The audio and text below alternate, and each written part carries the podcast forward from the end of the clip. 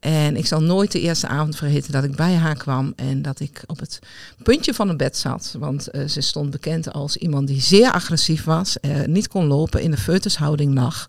Niet kon praten ook op dat moment. En uh, ik ging bij haar op het puntje van het bed zitten en ik begon tegen haar te praten dat ik het best wel heel erg eng vond om bij ja. haar te komen. En uh, spannend. En ja. toen kwam er opeens zo'n hand naar me toe. En ik schrok me natuurlijk helemaal wild. Want ik dacht, oh, komt hij, daar krijgt hij mijn eerste klap. en toen schudde ze eindelijk met haar hoofd. En toen dacht ik, bedoel je nou? Dat ik niet bang voor je hoef te zijn.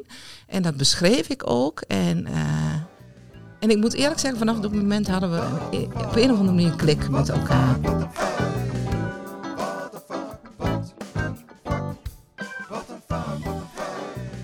Naam is Nicole Nijnhuis en ik werk zo'n 33 jaar in de verstandelijke gehandicaptensector.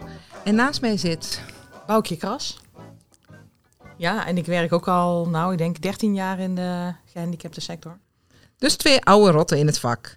Deze podcast, What the Fuck, met VAK, daar verbazen wij ons over al die mooie dingen van ons werk in de verstandelijke gehandicaptensector. Maar we winden ons ook op over dingen waarvan we zeggen, what the fuck, hoe zit dat nou eigenlijk? Waarom gebeurt dat nou juist wel of juist niet. En deze keer uh, scrolde ik uh, over Facebook, uh, Boukje. En dan kwam ik een berichtje tegen van een collega van mij, ex-collega van mij, vroeger. Al heel wat jaren geleden, toen ik nog bij een andere zorgaanbieder werkte. En die had een stukje geschreven op Facebook. En die wil ik graag even aan jou voorlezen. En horen, wat, wat doet dat nou met jou? Ja, mooi. Soms heb je van die dagen die een zeer waardevolle herinnering zullen blijven. Vandaag mijn laatste cliëntdienst gedraaid met een cliënt die altijd een plekje in mijn hart zal houden. Hij is degene die mij deels gevormd heeft als professional en mij veel heeft geleerd. Als je dan eenmaal na vele pittige diensten de betrouwbare ander voor hem bent, stilt hij echt een stukje van je hart.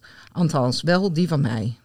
Heb dan ook bewust gepland dat ik mijn laatste werkuren met hem mocht vechten.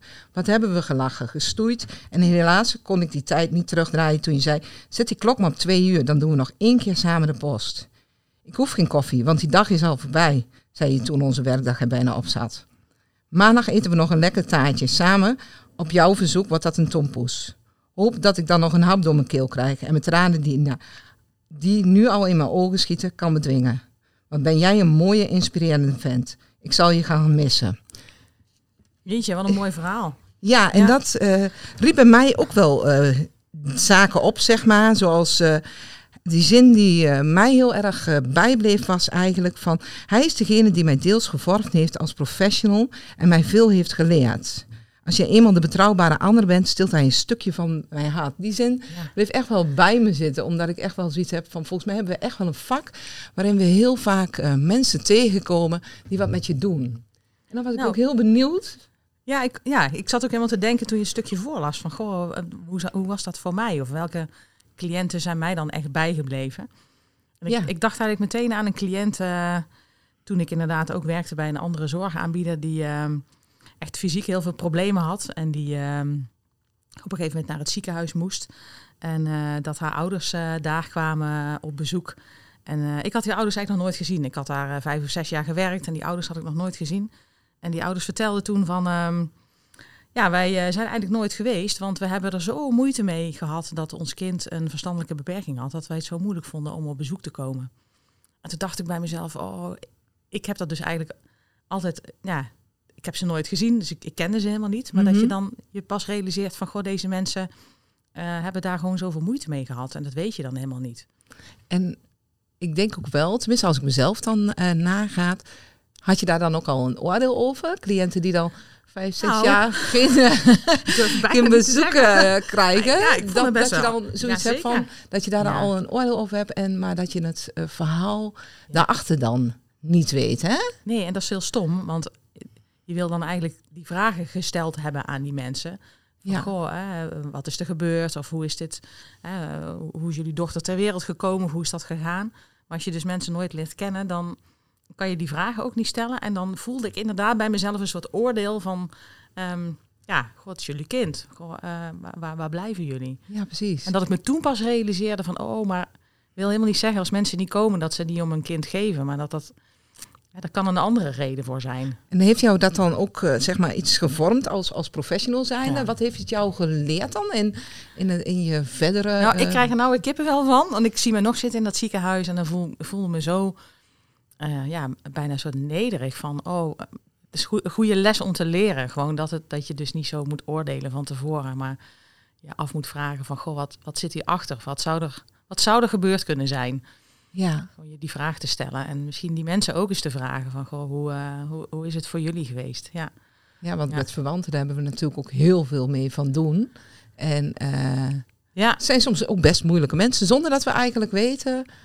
Wat is het verhaal er eigenlijk achter? Hè? Ja. En jij bent daar op een uh, behoorlijk intensieve manier achter gekomen, denk ik. En dat heeft je ook wel echt meegenomen. Heeft je dat ook meegenomen in het vorm van uh, ander, een, het oordeel minder vellen over mensen? Ja, ik denk het wel. Ik denk dat ik daardoor wel anders ben gaan kijken en me meer heb afgevraagd van goh, wat zou, wat, zou, wat zou er aan de hand kunnen zijn? Of waarom zou dit zo kunnen zijn? Dat ik meer vragen ben gaan stellen. Ja, ja.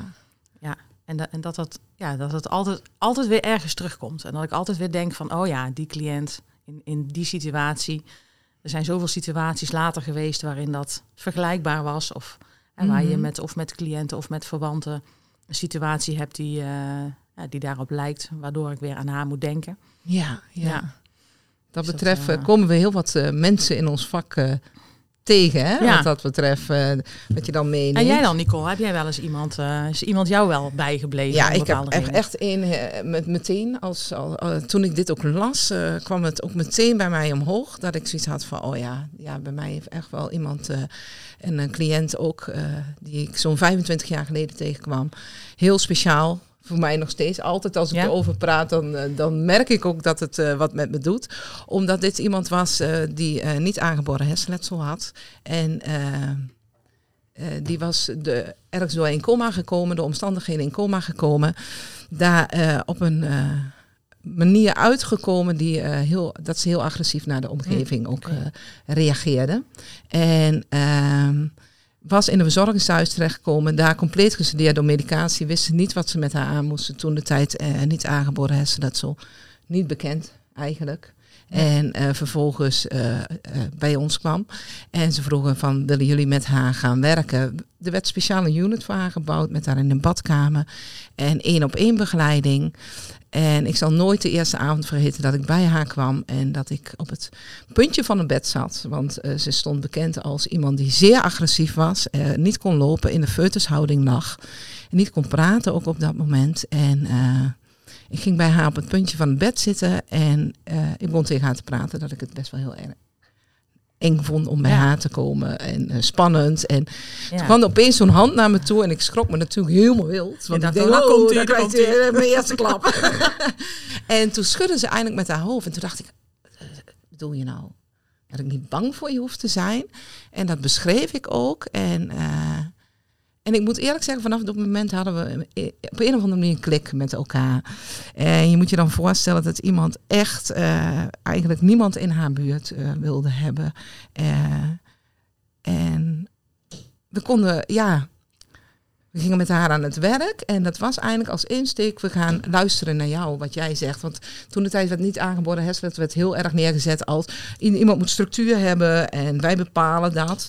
En als team hadden wij zoiets zo van nee, we gaan nu eens echt luisteren naar wat zij wil en hoe zij het wil hebben. Een andere werkwijze eigenlijk. Ontzettend anders. Mhm. En ook echt wel tegen de adviezen van alle gedragsdeskundigen en mensen die er verstand van hadden in.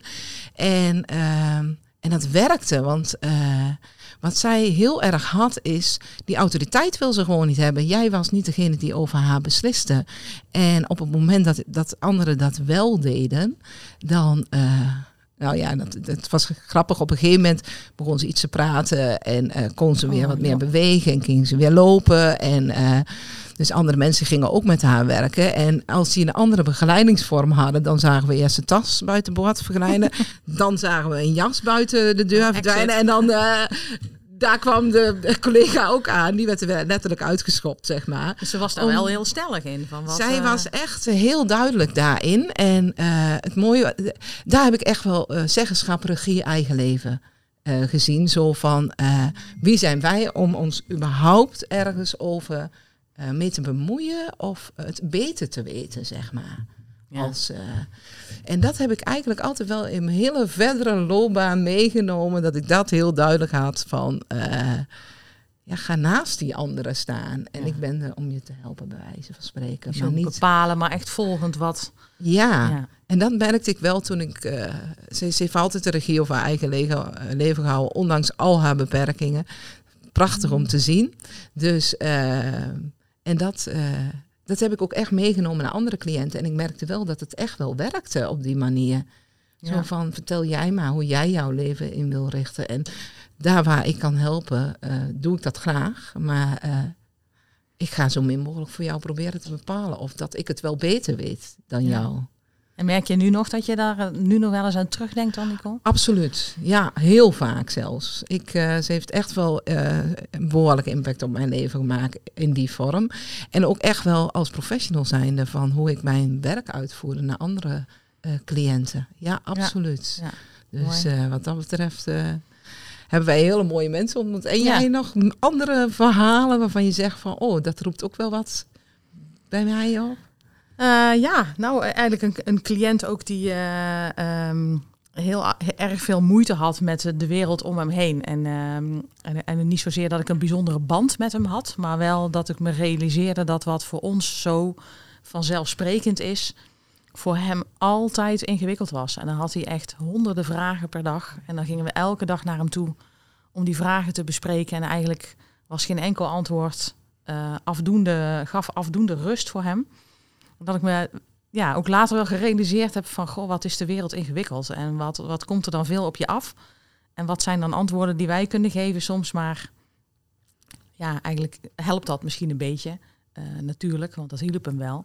Uh, Maar echte antwoorden geven op zijn vragen, dat konden we eigenlijk niet. Kun je daar voorbeelden van noemen dan, hoe hij in het leven stond? Ik heb dat nog niet helemaal duidelijk. Nou, hij had uh, bijvoorbeeld een, een, soort van achtervolgingswaanzin. En dan ging hij fietsen. En dan kwam hij terug en dan zei hij, uh, Boukje, Boukje, hoe weet iedereen dat ik uh, asperger heb? En dan zei ik van, goh, uh, want wat is er gebeurd? En dan zei hij, ja, er staan overal bordjes langs de weg, asperges, asperges.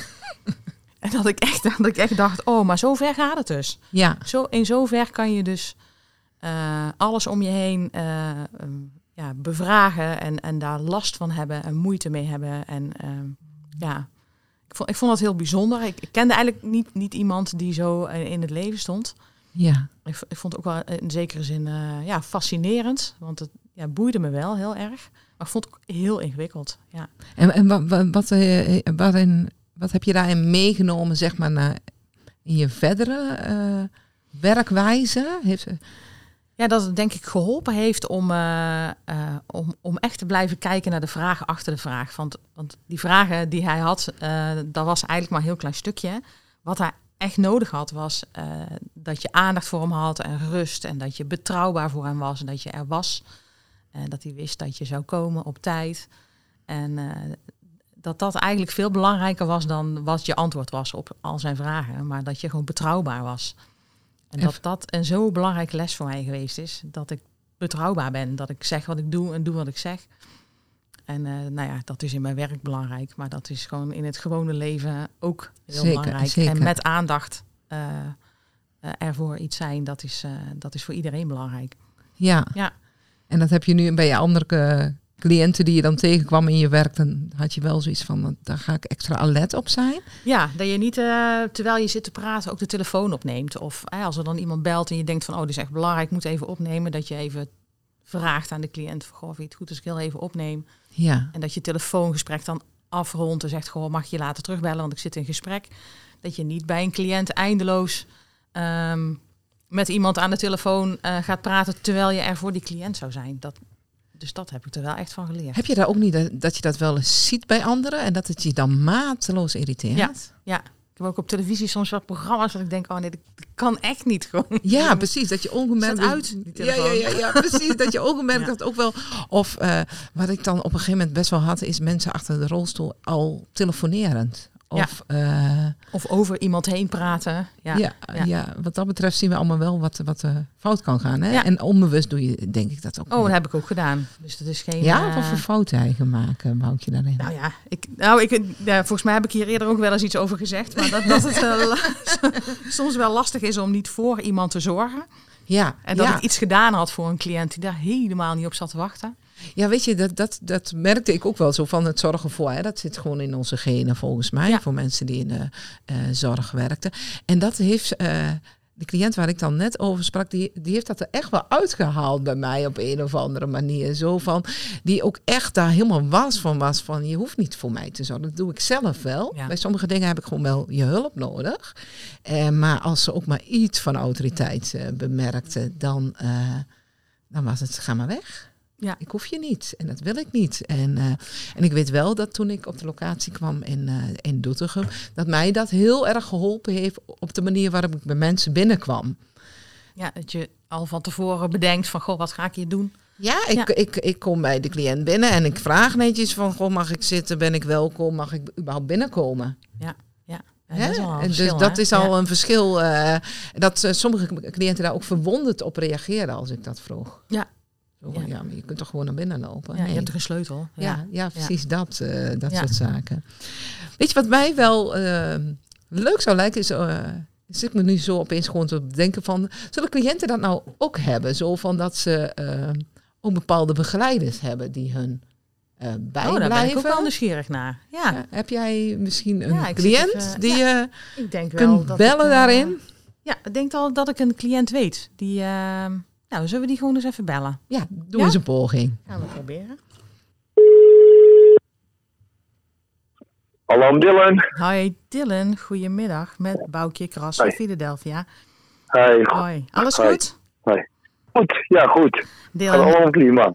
Wat zeg je? Ja. Het gaat allemaal prima, gaat het. Mooi.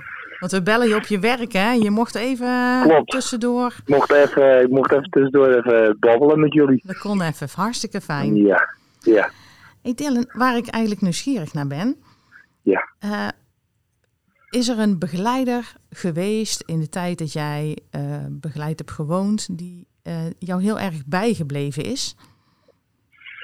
ja, zeker. Ja, zeker. Ja, twee begeleiders. Ik mee uh, ge uh, gewerkt hebben. Dat is Jet en Sera, zeg maar. Die zijn van uh, de seizoen geweest, zeg maar. En die hebben in de periode van december, zeg maar, verdien overleden, twee jaar geleden.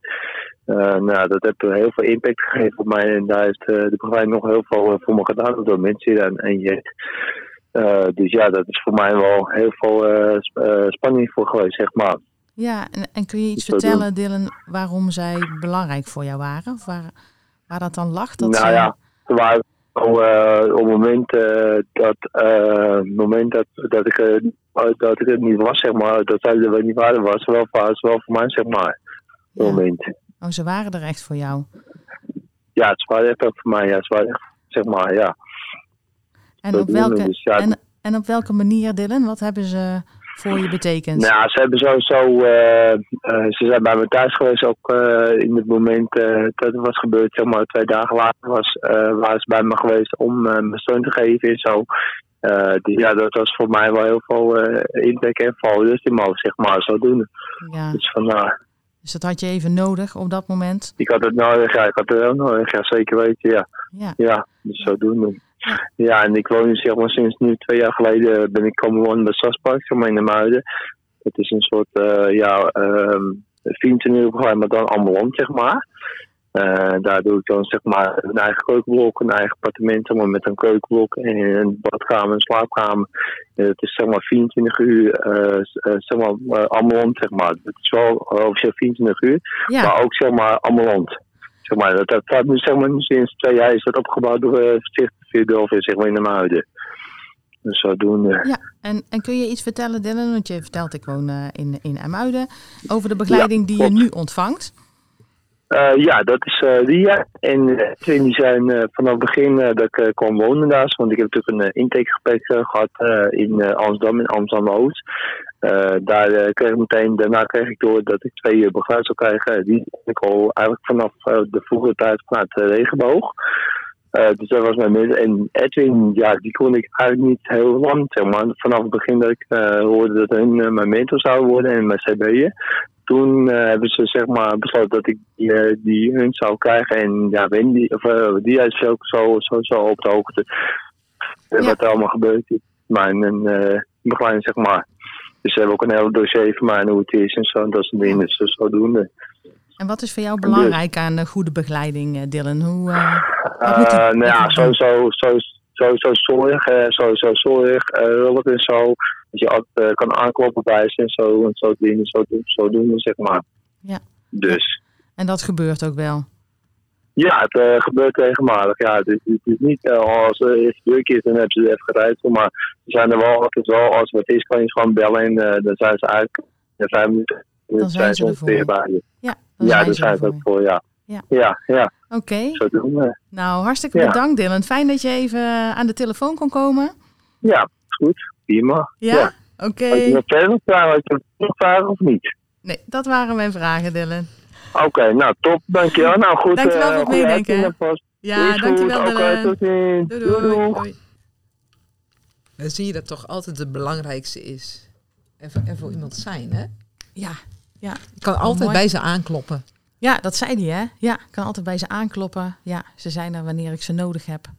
Ja. Ze komen even bij me thuis. Vind ik ook wel, vond ik ook wel mooi dat, dat hij dat zegt. Hè? Dat is toch weer, ik moet dan denken aan dat stukje aandacht en er voor iemand zijn. Dat dat eigenlijk uh, het belangrijkste is in, uh, in het werk wat we doen. Ja.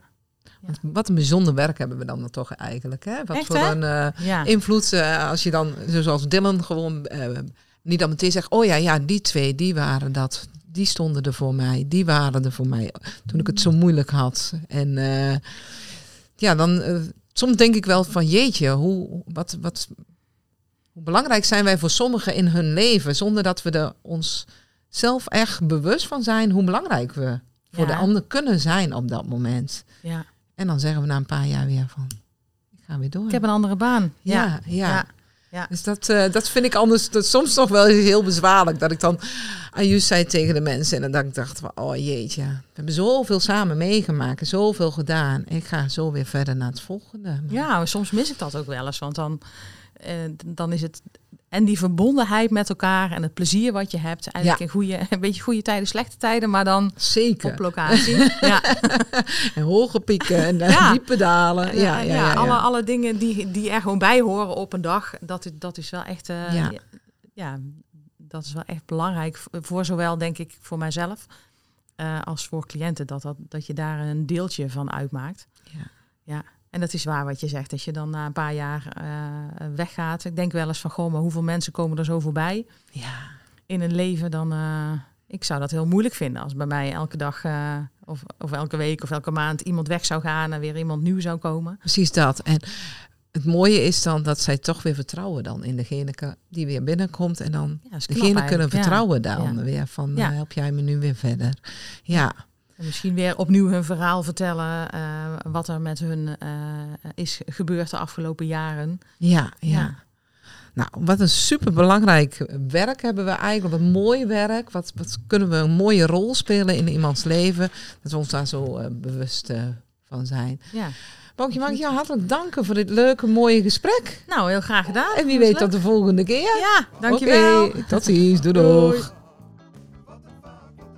Oh, Boukje, vergeet ik helemaal nog iets te vermelden. Wil je reageren, vragen of opmerkingen plaatsen? Laat het ons dan weten op redactie.philadelphia.nl.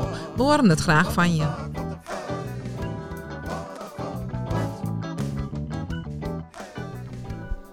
What the fuck met VAK is een podcast van Philadelphia Zorg. Philadelphia ondersteunt door heel Nederland mensen met een verstandelijke beperking, zodat zij een gewoon leven, dus een eigen leven kunnen leiden. Ja, en voor de fans van Annemarie, ja, Annemarie is eventjes offline. En daarom hoorde je vandaag in deze podcast Nicole Nijenhuis en Boukje Kras. Techniek is in handen van Sven Duits. Wil je fanmail sturen naar what the fuck of heb je vragen, suggesties, irriteert je iets of werd je juist ergens positief door geraakt? Wij zijn hier zeer benieuwd naar. Je reactie kan je sturen naar redactie.philadelphia.nl